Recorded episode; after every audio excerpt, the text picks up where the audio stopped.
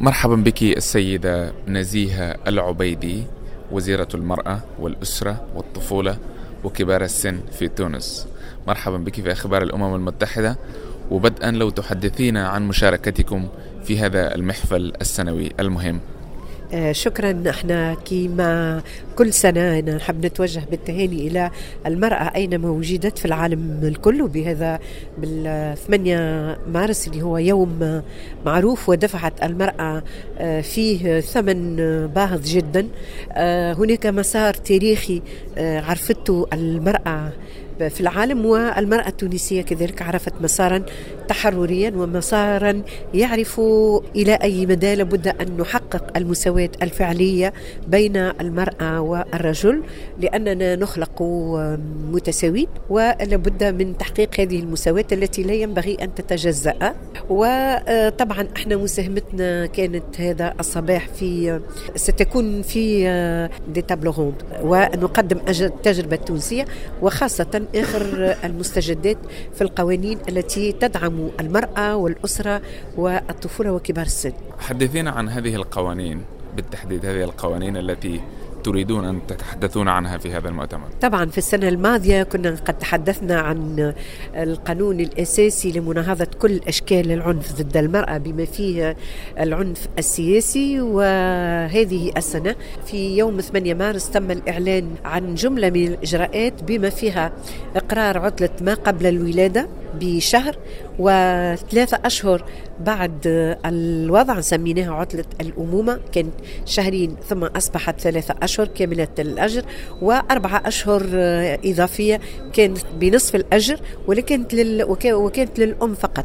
فإذا غيرناها وأصبحت عطلة الأمومة وعطلة الأبوة.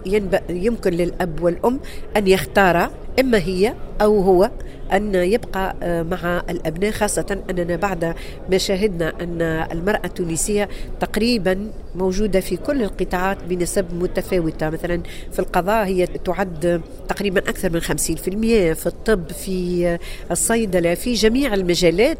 فإذا اليوم يمكن والمرأة التونسية تتزوج من رجل أقل منها آه، مستوى. والمهم هو أنها هناك تفاهم هناك محبة بين الاثنين ولا يهم الفارق لا في الجانب المعرفي ولا في الجانب المادي. طيب معروف أن الهدف الخامس من أهداف التنمية المستدامة التي اتفق قادة العالم على على تحقيقها بحلول 2030 الهدف الخامس يتحدث عن المساواة بين الجنسين وتمكين المرأة كيف تنظرين إلى ذلك من وجهة نظر تونسية؟ طبعا نحن قلت بأننا نعتبر المساواة لا تتجزأ والمساواة واحدة ويجب أن تكون فعلية لأن الطبيعة تخلق المرأة والرجل إنسانين لكل واحد لكل واحد آه، ذكرا أو أنثى وظيفة. ولكن عندما نسير في الحياة هناك العامل الثقافي هو الذي يوزع الأدوار. فالمرأة نعطيها اللون الوردي والرجل نعطيه اللون الأزرق ونفرق الألعاب ونفرق الأدوار.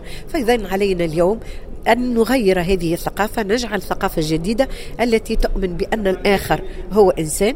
وعلينا أن نحترم بعضنا البعض على أساس الإنسانية والحقوق الإنسانية لكل فرد في هذا العالم. برأيك ما هي التحديات التي تقف أمام هذه القضية قضية المساواة وتمكين المرأة في تونس؟ ليست في تونس في تونس العقلية خاصة عند الرجال تطورت كثيرا وقابلة لمفهوم المساواة ويقومون بها بطريقة تلقائية. ولكن أعتقد أنه بصفة عامة عندما نثير هذه المسألة مسألة المساواة هناك بعض التحفظ هناك بعض ردة الفعل من الرجال يعتقدون أنه في مسألة المساواة هو اعتداء على حق الرجل أو على رجولة الرجل في حين أنه هو آه، ليس هناك اعتداء هناك احترام لحق الآخر.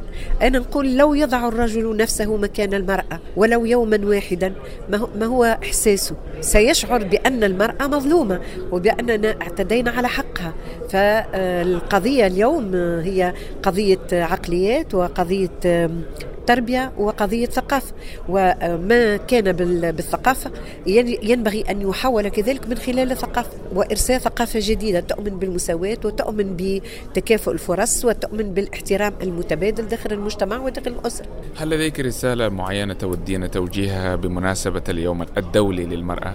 آه، رسالتي هو ينبغي أن تؤمن المرأة أولا بأنها إنسان كامل وليس هناك فرق بينها وبين الرجل في حقوقها وفي أنها لها الحق أن تتمتع بحقوقها كاملة.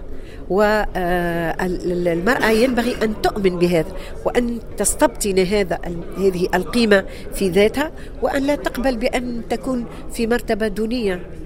فهي إنسان كامل ولها حقوق كاملة ولا ينبغي أن تستسلم لما يروج أو ما يريد الآخر أن يضعه من أفكارها أنها امرأة أقل آه، قيمة وأقل شأن وأنها مخلوق ثاني إلى آخره. هذا هو الذي ينبغي أن تفهمه. بوصفك وزيرة للمرأة والأسرة والطفولة وكبار السن في تونس هل أنت راضية بمشاركة المرأة في الحياة العامة والسياسية في, في تونس؟ نحن ليس هناك رضا تام. لأنه لا يوجد نجاح تام. هناك تفاوت. آه، آه، نجحنا في الانتخابات البلدية في آه، من خلال القانون التناصف الأفقي والعمودي. اليوم 47.7% هما من المستشارات في البلدية. نحن نتمنى أن يكون هذا في الانتخابات التشريعية ونتمنى أيضا أن تكون هناك مرشحة للانتخابات الرئاسية. ولكن أقول بأن هناك عوامل خاصة ثقافية وخاصة عوامل تنبع من المرأة نفسها هي أنها آه، تخشى من اقتحام العالم السياسي. وفي النهاية أنا أوصي وأغتنم هذه الفرصة ونحن في إذاعة الأمم المتحدة. إحنا في تونس عملنا قانون مناهضة العنف ضد المرأة وأضفنا له العنف السياسي. وأتمنى أن تدرج الأمم المتحدة في الصكوك الدولية إضافة إلى مختلف أشكال العنف العنف السياسي لأنه مهم جدا لأن هذه الإشكاليات مطروحة. فإذا علينا أن ندرج في الصكوك الدولية وهذا مقترح تونس سنتقدم به آه، عند آه، كلمتنا. أخيرا هل تطمحين في أن ترى آه، امرأة ترأس تونس قريبا؟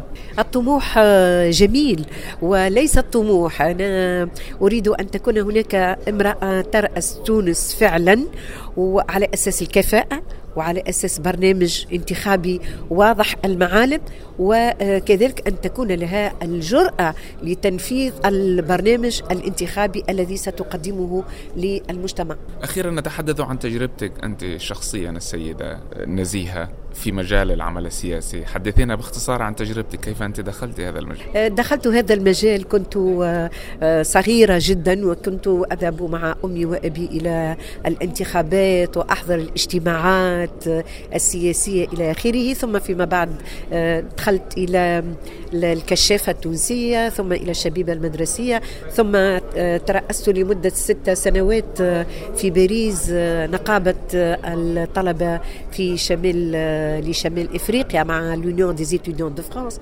ثم فيما بعد دخلت إلى الحياة السياسية وتحملت عدة مسؤوليات في الحزب آه، في حزب التجمع الدستوري الديمقراطي. والآن أنا نائبة رئيس آه، لحزب المبادرة. وأنا سعيدة أني نخوض الحياة السياسية لأنه فيها إضافة للمجتمع وفيها تغيير للمجتمع. وفيها كذلك شعور بأننا نساهم على مدى حياتنا في تطوير مجتمعاتنا عوض أن نبقى مكتوفي الأيدي آه، نتحدث ونتبادل الحوار القرارات إلى غير ذلك دون أن نؤسس بالفعل إلى أشياء وبرامج نحط لا نضع البرامج ولا نضع المخططات. أنا وضعت برامج ومخططات وأقول بكل صراحة أنني زرعت بعض الأشياء التي ستثمر يوما وأتمنى أنها تثمر وتزهر وتعطي لبلدي الذي أعطاني الكثير الكثير أيضا. أخيرا هل هل هناك العديد من النساء اللواتي يرأسن احزابا سياسية في تونس؟ آه، في تونس عندنا تقريبا آه، ثلاثة نساء يرأسن أحزاب آه، سياسية أتمنى لهن النجاح وفي 2014 كانت هناك خمسة نساء آه، مرشحات للانتخابات الرئاسية. وننتظر أن تترشح امرأة وهذه المرة نتمنى لا أن تترشح وإنما أن تفوز بالانتخابات. في الختام شكرا جزيلا السيدة نزيهة العبيدي وزيرة المرأة والأسرة والطفولة وكبار السن في تونس. شكرا جزيلا. شكرا لك شكرا, شكرا.